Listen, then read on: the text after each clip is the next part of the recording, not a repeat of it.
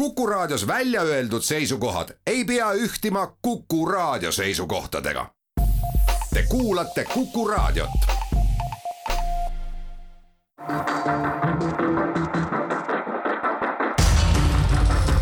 muuli ja Aavik. muuli ja Aavik tere päevast, kell on kuus minutit üle üheteistkümne ja nagu reedeti sel ajal ikka, algab saade Muuli ja Aavik, stuudios on Kalle Muuli, kes on ettevõtlus- ja infotehnoloogia ministri nõunik ja Mart Jaavik. palju lühema tiitliga, tere kõigile! alustame oma saadet äh, värske majandusprognoosiga, mis siis Rahandusministeeriumis on valminud ja mida presenteeriti teatud optimisti, optimismiga ja sõnade saatel, et näete, majandus ei langegi, ehkki kevadel veel arvati, et langeb. ja teiseks räägime elektrituru reformist ja sellest, et valitsus on ka taastuvenergia edendamise plaaniga välja tulnud. kolmandaks äh, vaatame veidi äh, Välisluureameti juhi lahkumise ümber tekkinud noh, skandaali võib-olla on palju ütelda, aga sellist äh, kõmu, mis sai alguse endise Kaitseministeeriumi asekantsleri eh, Meelis Oidsalu artiklist. ja neljandaks hüppame põhjanaabrite juurde ja räägime sellest, mis on Eesti inimeste meeli erutanud ka juba terve nädala või rohkem, et kas siis peaminister võib pidutseda või mitte ja mis selle loo taga üldse olla võib? kuidagi on need tänased teemad, teemad seotud pidutsemisega, et eh, viiendaks räägime võib-olla sellest, millest ei peakski rääkima, on Indrek Tarandi järjekordne skandaal, Eesti Minski saat-, saatkonna asejuht, kes ei olnud veel jõudnud Minskis, tabati siis Tallinnas purjuspäi Välisministeeriumi ees ja väidetavalt katsega autot juhtida. muuli ja Aavik. aga alustame siis majandusprognoosiga mis mulle tundub, et äh, rahandusministri ja, ja peaministri äh, sõnades äh, vähemalt leidis ka sellist rõõmunoote ja eelkõige siis sellest aspektist vaadates, et kui siiamaani kardeti, et Eesti majandus läheb langusesse, siis praegused prognoosid näitavad, et ta on ikkagi ninaotsaga vee peal, ehk siis protsentides küll suurt vahet ei ole, kas miinus üks või, või pluss üks, aga, aga ilmselt enesetundel on see äh, suur asi, samas kui ma vaatan muid numbreid, mis selle majanduskasvu või languse ümber on, siis äh, muud numbrid on ikkagi päris jubedad ja, ja ja halb asi on see, et äh, meie sisenõudlus ilmselt lakkab olemast või, või on see, mis pöördub langusesse majanduskasvu asemel. ja noh, sisuliselt tähendab see seda, et rahvas vaesub, reaalpalk kahaneb nii palju, et ennustuste kohaselt see taastub alles nelja aasta pärast, noh, kes neid ennustusi teab, aga aga kui juba praegu on selline vaade, see on päris, päris kole vaade. Ja, ja võib-olla nagu sellistes turbulentsetes oludes need äh, prognoosid muutuvad ja nagu huvitav on jälgida neid prognoose kui selliseid, et ega me seda ei saa ju keegi arukas inimene võtta sellena, et äh, täpselt nii lähebki, veel vähem komakoha järgi. aga see, mis mulle on silma jäänud selle nädala uudiseid lugedes, on see, et äh, üle läänemaailma ostujuhtide indeksid näitavad niisugust negatiivset meeleolu, et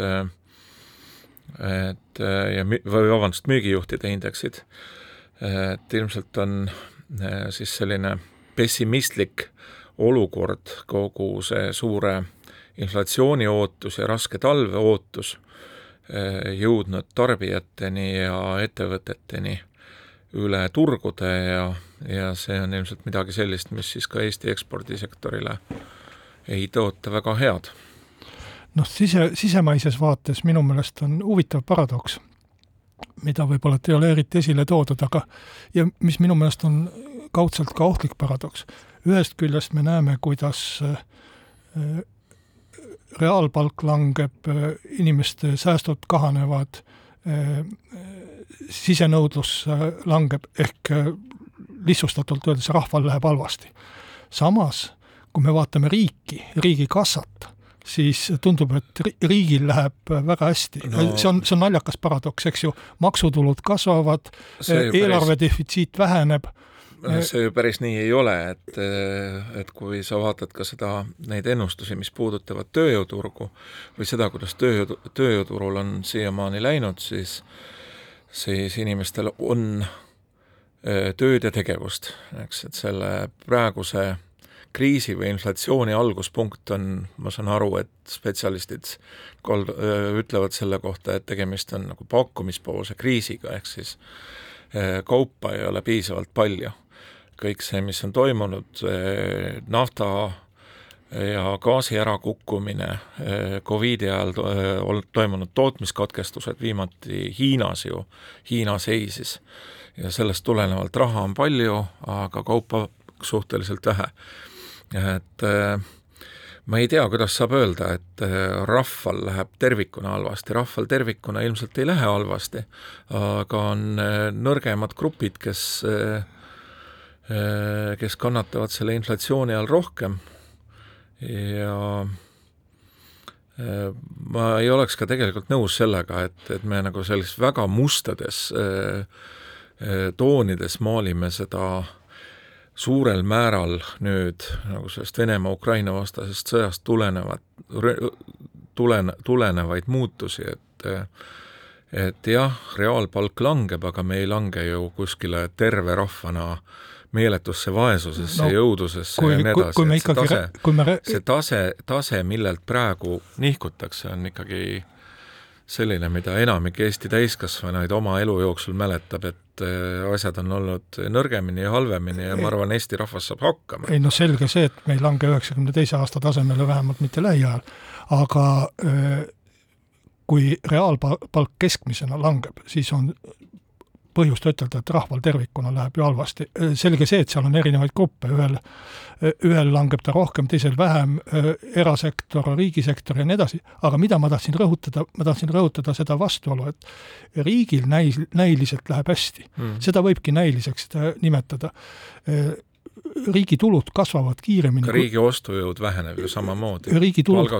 riigi tulud nominaalselt kasvavad kiiresti, eelarve defitsiit väheneb sellel aastal nelja koma viielt protsendilt kahe koma viiele protsendile, mis on väga suur äh, muutus ju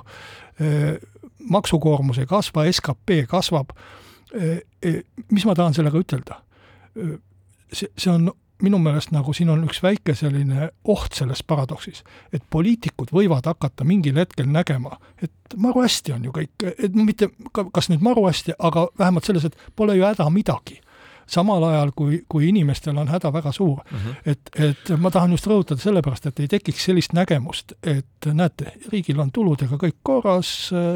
eelarve defitsiit väheneb ja, ja kõik on maru hästi. tegelikult ma arvan, et seda nominaalset tulu, mis laekub üle, peaks ümber jagama nende inimeste kasuks, kes on hädas ja vaesuses ja, ja, ja kannatavad sellest no, langusest kõige rohkem. indekseeritud äh, kulude osas see ju toimubki, et sa kindlasti tahad rääkida sellest, et pension tõuseb äh, ja ta tõuseb automaatselt, mitte tänu poliitikute äh, valimislubadustele, vaid ta tõuseb selle, tänu sellele, et Eestis on indekseeritud pensionisüsteem. ta tõuseb kolmel põhjusel. järgmisel aastal langevad need kolm põhjust kõik järgmisse aastasse, on, üks asi on tõesti indeks ja selle, selle indeksi äh, Äh, kasv on seal umbes kümne protsendi juures, ma täpset numbrit peast praegu ei mäleta, aga kokku suureneb ju vanaduspension, keskmine vanaduspension kaheksateist protsendi võrra.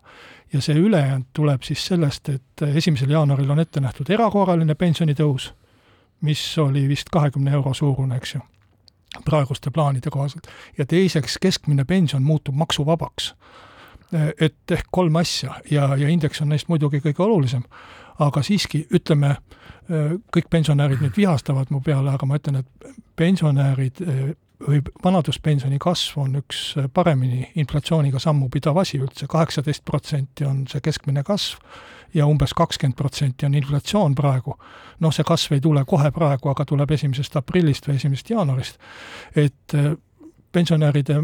mure või häda on selles lihtsalt, et nende stardikoht on liiga madal, see, see koht, kust see kasv toimub, on, on üsna, üsna raskesti toimetuleku piirile lähedal aga ostujõud ei vähene oluliselt, ütleme nii. väga oluliselt ei vähene, jah et võib-olla mõne protsendi võrra, aga, aga palgasaajatel on kindlasti palju raskem ja, ja eriti raskeks muutub olukord siis, kui peaks tõesti tekkima ka mingi pankrottide laine ettevõtetel, selle tõttu, et elekter ja gaas ja kõik asjad on kallid. aga eh, sa mainisid seda, et poliitikutel võib tekkida selline tunne, et kõik on väga hästi, aga nii ju me majandusajaloost teamegi, et eh, ja suhteliselt hiljutisestki, et ega need riigid, kes on harjunud oma Eh, valesid või ülekulutamist eh, eelarves eh, välja laskma inflatsiooni kaudu, et see ongi poliitikute maailm, kus osad riigid on elanud, Eesti vaade, Saksamaa vaade, Põhja, Põhja-Euroopa vaade on teistsugune, aga ma arvan, et et täpselt niimoodi need lõunaeurooplased ja veel paljud teised ette kujutasidki, kui Covidi ajal, piirangute ajal majandust elavdati, et noh, need on, summad on nii suured, et neid ei maksta kunagi tagasi, vaid see äh, pinge lastakse välja inflatsiooni kaudu. Ja nüüd me näeme seda juhtumas, et, äh, et tegelikult nii ongi, et jah, need äh, vaesemad inimesed või säästjad on need, kes äh, siis selle inflatsiooni või Covidi aegse majanduse elavdamise ja veel paljud muud sammud, mis varem on olnud äh, sisuliselt kinni maksa. et äh, noh, eks see inflatsioon toob eriti välja sellise kapitalismi põhiolemuse, et vaesed jäävad vaesemaks ja rikkad rikkamaks no,, et äh, sa oled ikka päris sotsialistide leeri üle läinud? ei, ei, ei, see on Jeesus, kes, kes selle juba sõnastas, et kellel on, sellele antakse ja kellel kellel ei ole, sealt võetaksegi viimane, aga, aga inflatsioon tegelikult, kui me sellest räägime, röövib ikkagi kõige rohkem seda inimest, kellel ei ole äh, mingit muud vara peale palga. või siis on äh,, hoiab oma vara rahas ja selles mõttes, kui me vaatame, ma nüüd viimaseid numbreid ei tea, aga aasta algul veel oli üle kümne miljardi äh, Eesti rahva raha seisis neil pangakontodel siis äh, kui sa kujutad ette, et äh, ühest küljest äh, sööb seda ära kahekümneprotsendiline inflatsioon ehk viiendik sellest, kaks miljardit, sisuliselt hävib aasta jooksul, aga teisest küljest ju kuna ka palkade reaalväärtus väheneb, siis võetakse üha rohkem seda säästu kasutusele. ka selles mõttes nagu kulutatakse oma sääste ära. et ma ei tea, ma, ma ei oska ennast väljendada, mul on lihtsalt kahju sellest, et, et see nii läheb, et inimesed olid juba päris heal elu, elule järele jõudmas enne seda kõike kohutavaid koroonasid ja, ja sõdasid. ja, ja me rääkisime, et Eesti rahvas ei ole kunagi nii jõukas olnud kui praegu. et kindlasti hetkel seda ütelda ei saa ja tulevikus veel vähem, et see tagasikäik on päris suur. aga noh, me peame mõistma, et sõda on. Euroopas on sõda ja, ja midagi ei ole teha, sõja ajal hävibki kõik, hea veel, et kodusid ei pommitata. no äh, jah, et äh, viieprotsendiline reaalpalga langus äh, on ikkagi midagi muud võrreldes sõjakahjudega, nii et midagi ei ole teha, ju tuleb see sisse võtta ja vaadata, et me üksteisega tülli ei pööraks siin jah, terve ühiskonnana. just, see on üks asi ja teine asi on ikkagi riigi roll ka sellises kriisis on, peab olema adekvaatne ja, ja mitte selline, et noh, mis see meie asi on, et siin peab ikkagi võtma hoiaku, et kedagi ei jäeta maha. aga teeme siinkohal reklaamipausi.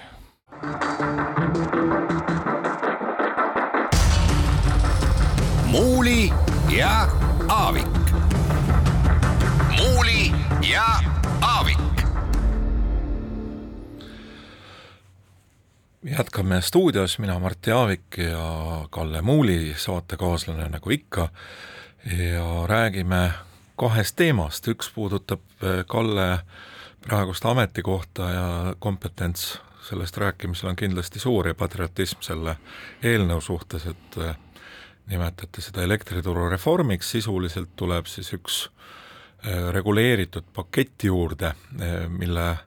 raame me nüüd teame, Äh, aga kui Riigikogu selle vastu võtab, siis läheb veel hulk samme, et et äh, tegelikult lihtsad inimesed nagu mina ja teie näeksid, mida siis Eesti Energia ja Konkurentsiameti koostöös hinnana pakkuma hakatakse elektri jaoks. ja teine asi on see, et noh, minu kindel veendumus on see, et sellistest oludest, kus kaupa jääb puudu turul, saab ennast ja selle tõttu on hinnad kõrged, saab ennast välja investeerida ainult ja selles mõttes see taastuvenergia arendamise plaan on ka ülitähtis. aga mis siis värsked lootused on, et eh, kuhu hind võiks kukkuda eh, selle elektrituru reformi või, või tava, ütleme, kodutarbijatele mõeldud paketi jaoks? noh jah, see on äh, kõige selline äh, levinum küsimus ja, ja täiesti arusaadav ka, miks seda küsitakse, et tahaks ju kohe teada. et tegelikult eks äh, printsiibis võiks ju valitsus panna ka hinnalae, ütelda, ma ei tea, rahandusminister tuleb kabinetti ja, ja ütleb, et minu arvates võiks see hind olla sada eurot või viiskümmend eurot või üks euro miks mitte, valimiste eel võib-olla oleks üheeurone hind väga tore, aga äh, kui valitsus paneks selle hinna niiviisi suvaliselt äh, lihtsalt laest, ega ministrid ei, ei tea ju arvutada äh, Eesti Energia tootmiskulusid, siis võib ka juhtuda selline asi, et et hind on küll tarbija jaoks tore, aga tootja läheb pankrotti või tootja ei suuda sel juhul investeerida. ja sellepärast on valitud selline veidi keerulisem tee mida võib ju kritiseerida, et noh, on siis vaja seda Konkurentsiametit sinna ja on siis vaja mingeid arvutusi ja aga on ka valitud selline tee, et, et see oleks ka äh, tootjale äh, noh, äh, ütleme siis talutav. et aluseks on võet-, võetakse siis Konkurentsiameti poolt kolme Eesti Energia kõige tõhusama põlevkivijaama tootmiskulu ja liidetakse sinna otsa siis mõistlik kasum noh, see, mis siis kapitalikulu äh, peaks äh, hüvitama. ja, ja saadakse see hind ja see hind äh, ühest küljest on hea selles mõttes, et ta ei sõltu börsist, mida me peame absurdseks ja kus, ja mida me ei saa nimetada turu, turuks, vaid turutõrkeks, sest börsihind kõigub ju praegu nullist nelja tuhandeni, mõnede kus päevade jooksul. seda nimetada turuks, kus sa saad siis turutõrke? no see ongi, see oli turg võib-olla kunagi või arvati, et sellest kujuneb turg, aga, aga tõrke tõttu on ta lakanud toimimast. ja teises, et, et tarbijal oleks mingisugune võimalus osta äh, stabiilset äh, selle, selle hinnaga elektrit, millega seda tegelikult meie kodumaal toodetakse, meie, meie oma riigiettevõte toodab. ja samal ajal, et see hind oleks ka selline, et see riigiettevõte saaks oma kulud tasa ja saaks ka väikse kasumi, millest ta siis saab oma äh, tootmisvahendeid äh,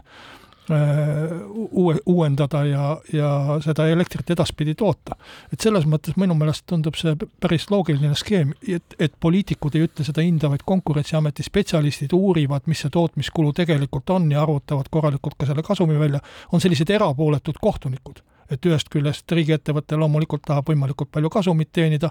poliitikud võib-olla tahaksid väga odavat hinda anda äh, rahvale, aga et äh, siis oleks hundid söönud ja lambad terved või vastupidi. et äh,, et selline lahendus, mulle endale tundub see väga hea lahendus olevat. Äh,, sõlmitakse siis äh, kuni, või see kehtib kuni neli aastat ja see on Euroopa Liidu reeglitest tulenev, et sa ei saa seda alaliselt teha vaid, vaid mingiks selliseks kriitiliseks perioodiks ja, ja ma ise loodan, et nende nelja aasta jooksul me suudame piisavalt investeerida elektri tootmisse, et meil elektri pakkumine suureneks ja et see turg hakkaks jälle normaalselt tööle ja me saaksime ka turu pealt elektrit mõistliku hinnaga mm. -hmm. eks me selle nende viimaste nädalatega või viimase ka kolmveerand aastaga oleme saanud muuhulgas siis ka elektrituru suurteks spetsialistideks kõik ja eks ta nii ongi, et et mõnes lõigus on ju Eesti elektri tootmine väga-väga hea, et näiteks loeme siin, et päikesepaneelide või väiketootmise plahvatus on lausa olnud ja mõne aasta eest, kuni kehtisid veel toetused. et aga meie häda ilmselgelt on see, et on talvel pikki perioode, mida me teame ette, et nad tüüpiliselt on, kus tuul ei puhu, päikest on ka nadilt meie laiuskraadil ja siis on vaja midagi, mis mis seda kompenseeriks, et kas see on siis nüüd vanad head põlevkivijaamad või tulevikus salvestustehnoloogiad, mis ma arvan, pikas plaanis peakski nii olema, et inimkond suudab seda soodsatel, Eesti ja inimkond suudavad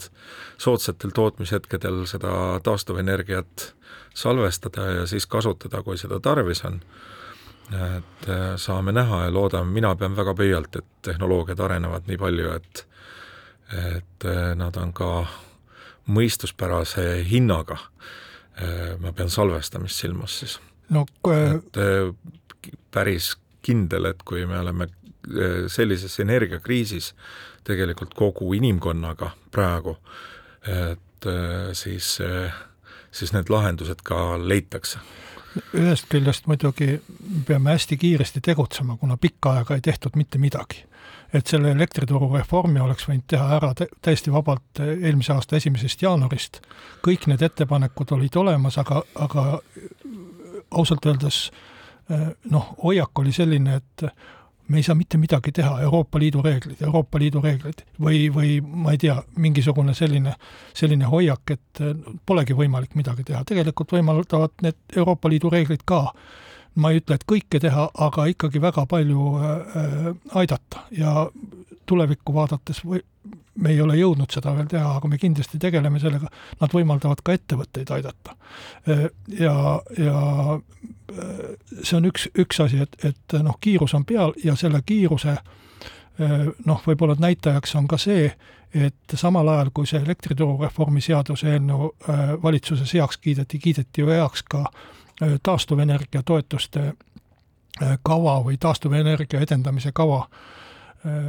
täpselt pealkirja ma ei suuda nüüd praegu siin ütelda, polegi oluline, millega siis nähakse ette, et kuni aastani kaks tuhat kolmkümmend või aastaks kaks tuhat kolmkümmend peaks taastuvenergiat toodetama Eestis nii palju, et see katab ära kogu Eesti energiavajaduse. ehk siis see kõik, mida me toodame mittetaastuvatest allikatest, jääks põhimõtteliselt üle, noh, kas seda siis toodetakse või mitte, on oma asi, aga, aga põhimõtteliselt saaks seda, kui hind lubab, ka eksportida. et kui me räägime juhitavatest äh, jaamadest või siis äh, noh, siis nendest mittetaastuvatest asjadest, äh, sest taastuvad on sageli juhitamatud nagu tuul ja päike, et siis nendest juhitavatest noh, mida me saame teha? gaas tuleb Venemaalt, ma selle peale küll väga ei panustaks, on, või, või siis LNG-st, eks ju, ja aga, aga hind on tal ikkagi pöörane ja ta ei ole meie oma maavaru, mida me saaksime. tuumajaam, noh, lähema viieteist aasta jooksul seda ei tule. Et tegelikult põlevkivi ongi noh, praktiliselt ainus asi, millele saame panustada, mina ei viskaks küll neid äh, põlevkivijaamu kuskile ajaloo prügikasti, et äh, vastupidi, võib-olla tasuks ikkagi Auvere teise ehitamist ka kaaluda, kui, kui see asi äh, nii hull on. muidugi öeldakse, et noh, jah, et millal see ennast ära tasub ja, ja ja mis need hinnad siis on ja nii edasi, et kui meil taastuvenergiat juba nii palju on aga see, kuhu, aga kui kuhugi panustada, siis see on ikkagi põlevkivi. see, kuhu tuleb vaadata, on salvestustehnoloogiad ja võimalik, et praeguse hetke arvutuste järgi mõni on seal kümme, kakskümmend protsenti veel liiga kallis, aga e, öelda, et see hüdropumpla näiteks on, on täiesti mõttetu või on ka imelik, neid lihtsalt, ta on mõttetu või, või ei ole meie lahendus juhul, kui sul on ainult mõneks tunniks e, kogu seda hüdropumpla salvestusrežiimi Äh, kindlasti tuleb vaadata ka siis päris rohevesiniku tootmise poole, sellepärast et põhimõtteliselt on vesinik suurtes hulkades salvestatav ja, ja nagu mitte päris unelmates, aga, aga üsna realistlikult võiks kujutleda ju seda, et et siis, kui energia on odav, tuult on palju, toodetaksegi vesinikku ja ka Eesti raudtee ja maanteetransport ja palju muud on äh, siis oma kodumaise taastuvenergia pealt liikuv, äh, tehnoloogiad ju põhimõtteliselt on olemas ja vot see unelm võiks olla selline, mis tähendaks tegelikku energiasõltumatust ja ka rikkuse allikat siis äh, ma, Eestile. ma kahjuks ei ole nii suur tehnikaspets, et siin sinuga noh, kas debateerida või arutleda eh, tulevikutehnoloogia no, üle. ei ole ka mina tehnikaspets, aga, aga eks ma räägin edasi seda, mida ma olen targematelt inimestelt kuulnud. aga eh, küllap need eh, kõik asjad tulevad, aga aga ega nad ei tule ka palju kiiremini kui see tuumajaam, ma kujutan ette. et seniks peame ikkagi lahendama oma probleeme nende asjadega, mis meil reaalselt olemas on ja, ja, ja üks asi nendest on siiski põlevkivi, see on meie kodumaine maavara ta küll saastab palju ja ilmselt see saastekvoot äh, on äh, noh, tulevikus veel jubedam, kui ta on, aga see on ikkagi üks asi, mis meil olemas on ja kui me hädas oleme ja, ja kuskilt enam elektrit võtta ei ole, siis sealt meil on elektrit võtta, et tahame no, või ei taha. jah, see näide on, ma olen jälginud aeg-ajalt ka selliseid andmebaase, mis siis üritavad päev-päevalt võtta, et kui süsinikumahukas on ühe või teise riigi äh, energia tootmine ja Saksamaa on muutunud äh, seal ikkagi viimase aastaga niisugusest mõõdukalt rohelisest äh, täitsa mustaks, sellepärast et äh, gaasi äralangemisel on nad ju hakanud ja. kütma põlev, või mitte põlevkiviga, vaid kivisööga niisuguse hooga, nagu vaata, et varem pole olnudki, et et need üleminekuhetked peavad olema ka nagu mõistuspärased. aga, aga kui on häda käes, siis tehakse, eks ju. on, on sealt üks asi ja, ja keegi ei kobise seal, et äh, õudne kliimapoliitika või Euroopa Liidu reeglid no,, aga, aga, aga kui sa Saksamaad juba meenutasid, siis ma meenutaksin ka kahte koma, kahe, kahekümne, kahe, kahtekümmend seitset koma viit miljardit eurot, mille Saksamaa siis paiskab oma ettevõtete toetuseks äh, äh, seoses energiakriisiga et kui me selle summa Eesti elanike arvu peale ümber arvestaksime Saksa elanike arvu pealt, siis me saaksime, et Eesti peaks toetama oma ettevõtteid neljasaja viiekümne miljoni euroga, mis on Eesti oludes ikka väga-väga suur summa. mis ma tahan ütelda, et me peame äh, kohe kiiresti ja varsti hakkama vähemalt osasid oma ettevõtteid to-, toetama, kui mitte kõiki, ehk osad on energiamahukamad, osad äh, vähem, aga aga kui ümberringi teised riigid rakendavad selliseid toetusi, siis me ei saa ühes katlanurgas äh, rammusamat või lahjemat suppi keeta kui teised, et äh, ettevõtted on rahvusvahelises konkurentsis ja, ja mitte midagi pole teha. see on see protektsionismi ahel, et äh, ilmselt tuleb sinuga nõus olla, et väike Eesti võib-olla tõesti ei saa midagi muud teha, võib-olla saab aga põhimõtteliselt on see ikkagi seesama protektsionismi ahel ja see on energeetikas olnud, olnud pikalt. teeme nüüd ühe reklaamiahela siia vahepeale ja kuulame siis oma arutlusi edasi.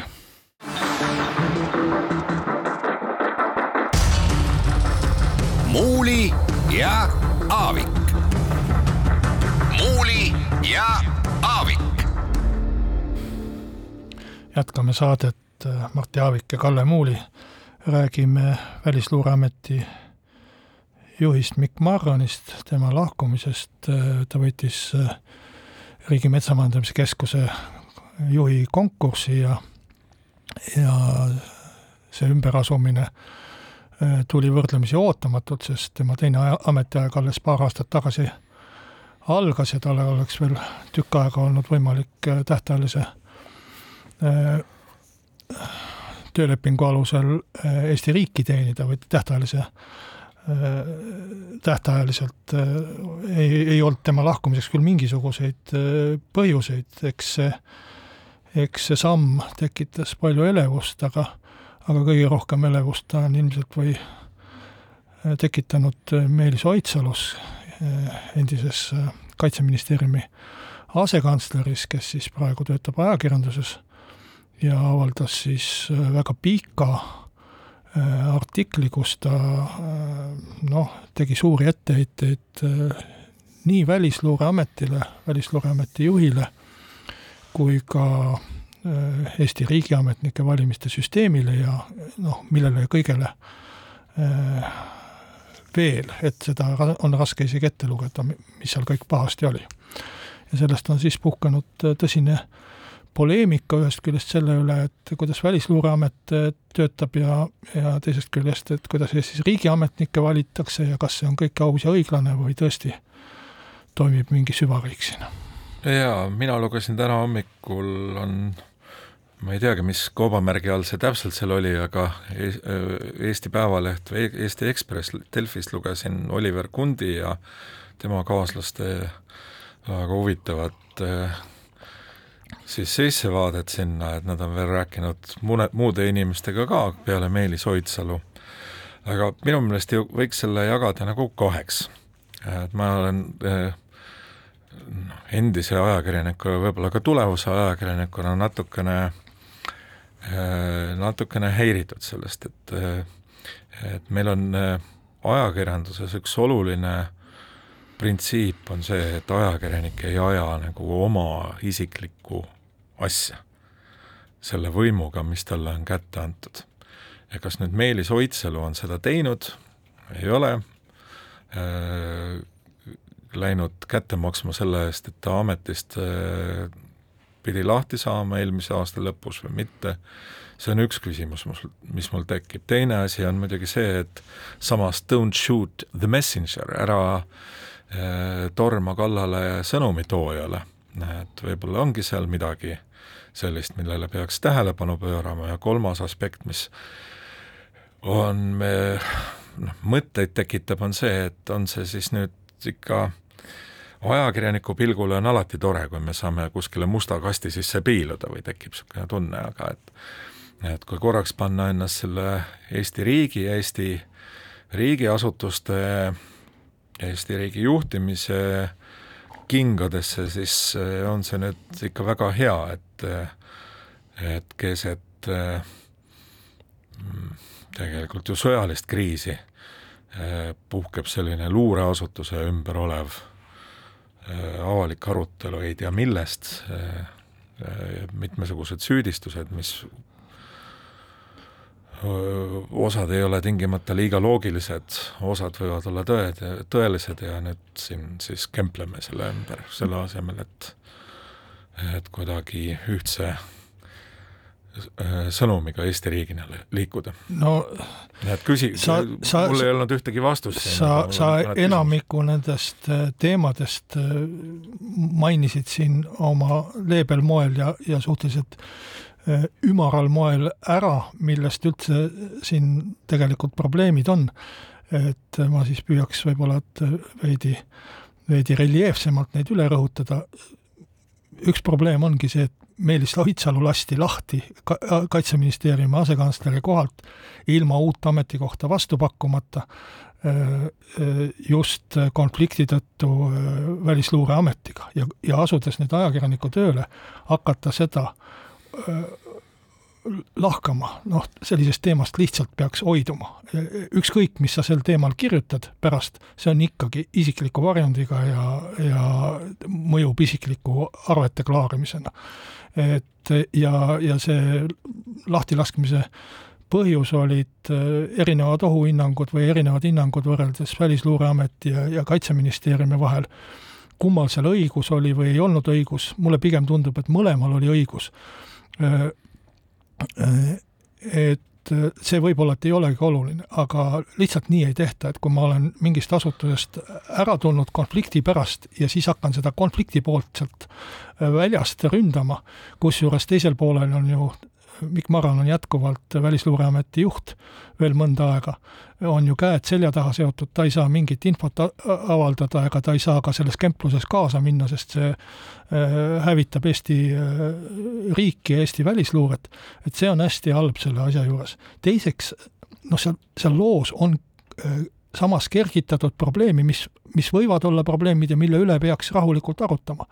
noh, kas või see riigiametnike määramise või, või äh, roteerumise süsteem. Äh,, seal võiks erinevaid näiteid tuua ja tõesti arutleda millegi üle, aga see kõik on segatud sellise emotsionaalse isiklikuga,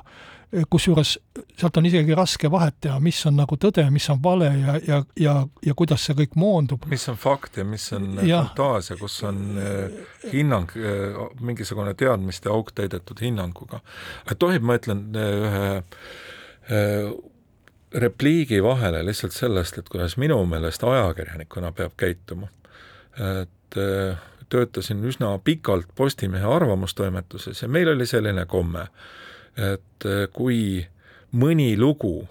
puudutas kellegi head sõpra, kuidagi kaaslast, sugulast ja nii edasi, äh, siis me ütlesime üksteisele, et näed, selline lugu tuli, aga ole hea, palun tegele sina sellega edasi, kuna mina olen selle inimesega moel või teisel rohkem või vähem seotud ja ma ei saa olla või siis ei näi olevat, eks ole, neutraalne. eh, tegeleja selle probleemiga ja vot see on nagu see ajakirjanduspoolne asi. aga ma arvan, et üks asi, mis on tõesti nagu erutanud inimesi, on see, et nüüd on riigiametnikud on teinud mingisuguse ringkäenduse, et aga lõppude lõpuks eh, see süsteem, kõrgemate riigiametnike valimise süsteem, on ju tekitatud teadlikult selle kogemuse põhjalt, et ka see, kui poliitikud väga aktiivselt omakeskis ja ka mitte sugugi läbipaistvalt jagasid neid kõrgemate riigiametnike positsioone, tekitas samamoodi pahameelt. ja võib-olla, ma ei suuda välistada seda, et võib-olla on nendes konkursisüsteemides ja ja kuskil tegeliku otsustamise juures mingi asi tasakaalust väljas. võib-olla peaks olema poliitikute maailma seal rohkem, äh, aga see on ikkagi mingisuguse nüansi võrra süsteemi muutmine, eks. et siin on ju üles tõstetud süüdistus, et põhimõtteliselt selline vandeteoreetiline süvariigi süüdistus ja ma olles ka jälginud aastate kaupa ju kõrvalt neid, kuidas konkursid käivad ja kuidas neid esitletakse, et ma ei usu lihtsalt, et see asi on nii hull. et kuidas ta nüüd ikka nii saab olla, et, et enamikes nõukogudes on parlamendiliikmeid ja kõikvõimalikke eh, tegelasi kõrvalt, et eh, jah, sa saad eh, alati päevakorda muutes ja ka kandidaatide eelvalikut tehes mingil moel nüksata see, neid valikuprotseduure. aga sa ei ole see hall kardinal, kes lõpuni selle asja ära otsustab ju nendes süsteemides. ja esitada seda, mis on reeglites ja seadustes kirjas, kui mingisugust tohutut vandenõud, no andke andeks. no omal ajal ma olen ajakirjandusjuhina ka paar ajakirjanikku lahti lasknud selle eest, et nad on ajanud, ajanud oma isiklikke asju või oma sugulaste isiklikke asju äh, ajaleheveergudel. et ajad olid karmimad, et äh, nüüd vist äh, nii äkiline see süsteem ei ole, aga põhimõtteliselt on ajakirjanik selles mõttes nagu kohtunik, et kohtunikud ka taandavad ennast protsessidest, kus nad peaksid mõistma, kohutama äh, oma tuttavate või lähedaste üle. aga mis nüüd riigiametnike valikusüsteemi puutub, siis eh, noh, räägime Marani juhtumist eh, Metsamajandamiskeskuses, et eh, kui sa vaatad Marani seda elulugu, üks haridus, bakalaureus Tartu Ülikoolist, magistriharidus USA-st, siis olnud kakskümmend aastat Eesti riigiametnik, sealhulgas Kaitseministeeriumi asekantsler, Kaitseministeeriumi kantsler, nüüd seitse aastat välisluure juht ja ta on veel neljakümne nelja aastane. ütle mulle, millist konkurssi ta ei võidaks Eesti riigis, millise ametikoha peal? selge see, et ta on igas konkursis üks kõige tugevamaid kandidaate, et see on nagu üks pool sellest asjast. ja, ja teise, teine pool muidugi Marrani puhul on see, et ta on Välisluureameti juht ja, ja ühtki luurejuhti ei, ei saada riik tänavale see on päris ilmselge. alates Eesti kõige esimesest äh, välisluurejuhist, tol ajal oli ta Teabeamet, Ants Froschist, kes saadeti suursaadikuks ja noh, suursaadiku kohad ongi nagu kõige sobivamad ilmselt, aga aga äh, me ei saa lubada endale seda, et me ütleme Välisluureametile, et kuule, mine tänavale ja vaata, äkki Vene luure pakub sulle mingisugust tööd või ei paku. et noh, need on Marani isiku puhul, aga, aga üldiselt eks need konkursid ole mõjutatavad, aga väga sageli ongi nii, et kõrged riigiametnikud, kes on kõrgetest riigiametitest lahkunud, ongi kõige paremad kandidaadid, midagi ei ole teha, tema kogemus, tema haridus, tema noh, maine teiste riigiametnike silmis et nii see on ja, ja sealt võib kindlasti lugeda või leida selliseid üksikuid juhtumeid, mis on, mis on äh, mõjutatud või kus on ka tõesti noh, eelistatud võrdsete puhul kedagi, aga samas ma nagu tervikuna Eesti riigiametnike valimiste süsteemi küll sellepärast pesuveega välja ma arvan, et meil on vaja tugevamaid poliitikuid äh, ja äh, muuhulgas ka selliseid poliitikuid, kes siis nendest dilemmadest ametnikkonna kujundamise dilemmadest ikkagi aru saavad, mitte ei lähe eh, kohe lammutama, aga on võimelised oma, oma poliitilist joont eh, ka viima selle ametnikkonnana niimoodi, et et sellest saadakse mõistuspäraselt aru ja, ja ei ole vaja nagu tegeleda sellega, et, et kõik on väga halvasti ja tegemist on mingisuguse äh, Äh, noh, jubeda klassiga, et, et äh, mina olen näinud Eesti riigiametnike hulgas eelkõige, kätt, kätt südamele pannes, eelkõige inimesi, kes äh, siiralt tahavad, et Eestil hästi läheks ja siiralt püüavad oma tööd ka hästi teha ja see, et inimesed aeg-ajalt lähevad tülli oma ametites ja ja on igasuguseid probleeme, on lihtsalt inimloomuse ja inimorganisatsioonide osa. et ma ei usu, et on olemas sellist eh, Eesti vastu kurja eh, ametnike vandenõud, mida siin mõni partei proovib esitada. siinkohal jälle reklaamipaus.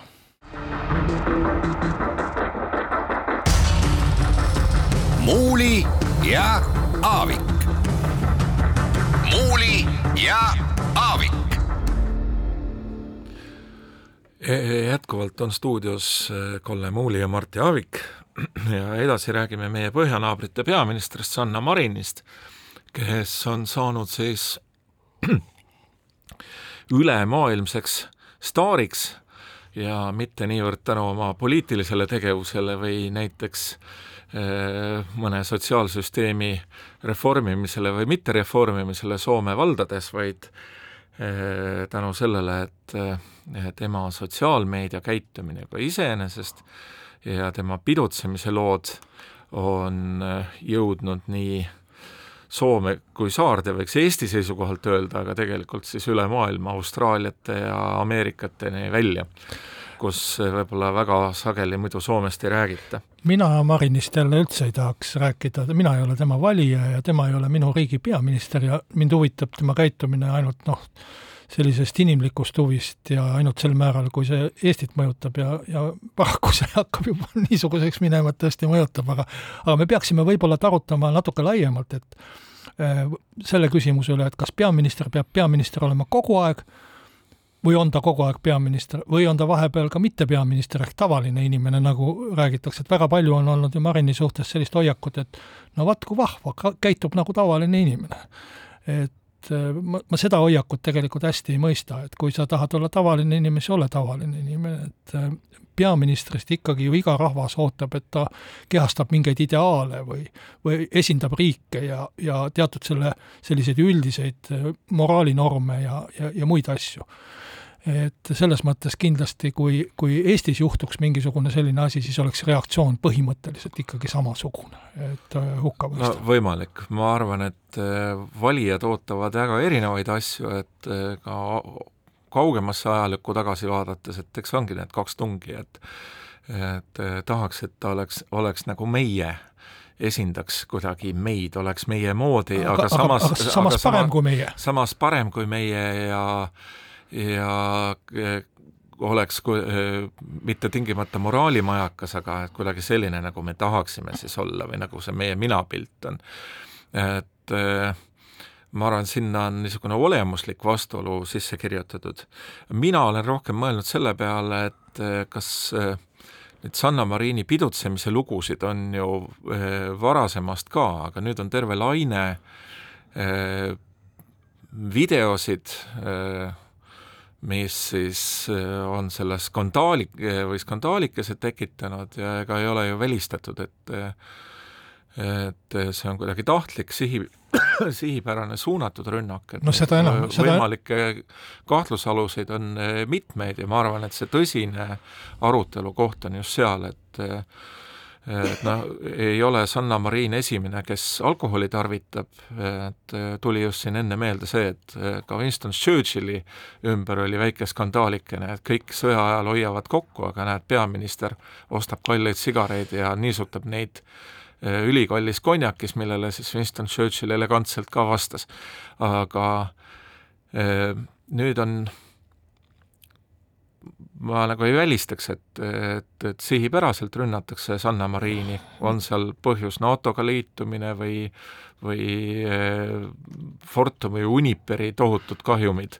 või veel midagi, veel mingi kolmas-neljas asi, et võib-olla see eh, koht on see, et eh, sellisel kohal olles peab valima oma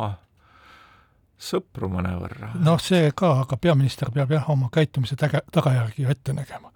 ja, ja võib ütelda, et vaba aeg ja eraelu, aga aga sa ei tohi ikkagi ka eraelus ja vabal ajal käituda nii, et see varjutab pärast su kogu see töö ja no,, ja, ja mitu nädalat ta ei ole ju saanud ka tööd teha tegelikult. üks tõlgendusi on ka see, et, et aga võib-olla on Sanna Marin ise tekitanud öö, meelega oma, oma sotsiaalmeedia manipulatsioonide jaoks sellise äh, pildi, aga, aga on läinud natukene üle võlli lihtsalt käest ära et.... noh, ja ei, ma, ma arvan, et see, et tema maksumaksja raha poolt ülal peetud kesarandas seal suveresidentsis või, või residentsis tema töökabinetis, kui mingid tema tuttavad neiud poseerivad seal paljaste tissidega et äh, see, see noh, ma usun, et see ei ole kindlasti mingi meediakampaania osa, et see on ikkagi tema traagika ja, ja, ja, ja tahtmatult ikkagi tekitatud, et ma arvan, et neid oletusi, mis kõik võib olla selle taga ja, ja, ja mis kõik ei ole, et jäämegi mõistatama võib-olla, et ajaloost selgub, aga aga kui sa vaatad nagu Eestis analoogilisi skandaale ja neid ikka on olnud, ei ole päris, päris nii enneolematu see, et siis Eestis on küll äh, üldiselt suhtutud sellistel juhtudel üheselt hukkamõistvalt, et äh, kes veel mäletab, aastal kaks tuhat kuus oli selline sündmus nagu Kadriorgia, kus äh, äh, to-, tollase presidendi Arnold Rüütli lapselapsed siis kutsusid oma sõpru Kadrioru lossi ajal, kui pererahvast ei olnud kodus ja ja, ja seal siis pidutseti ja, ja pärast riputati neid pilte ja Pealtnägijasse üles.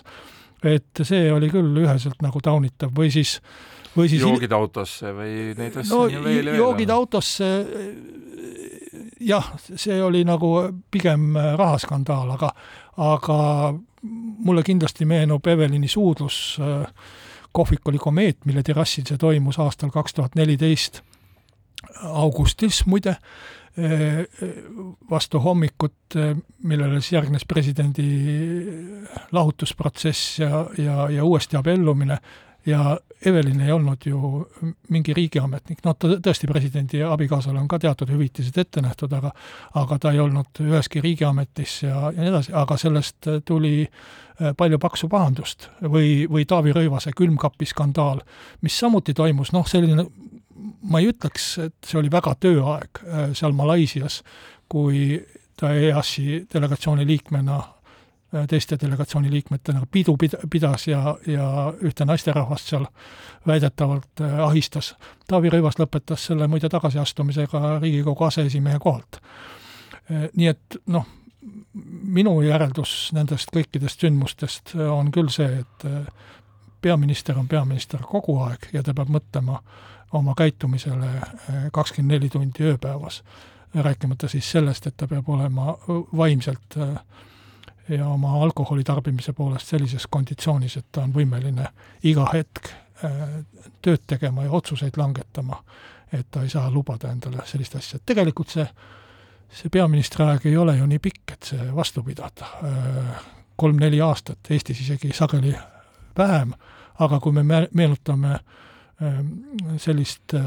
prouat nagu Elizabeth Windsor, keda tuntakse Elizabeth teise nime all, siis tema astus ametisse kahekümne kuue aastaselt ja on seitsekümmend aastat juba suutnud ilma skandaalideta valitseda, ehkki tema ümber on teiste õukondlaste poolt päris palju, palju skandaale olnud. aga sellega tänaseks oma äh, saatega lõpetame, stuudios olid Mart Jaavik ja Kalle Muuli, järgmisel reedel jälle.